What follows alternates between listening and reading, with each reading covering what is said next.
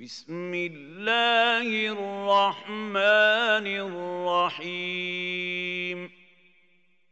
ألهاكم التكاثر حتى زرتم المقابر.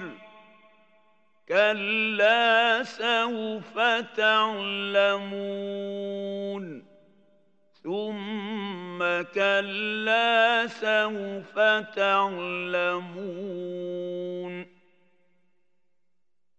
كلا لو تعلمون علم اليقين لترون الجحيم ثم لترونها اليقين ثم لتسألن يومئذ عن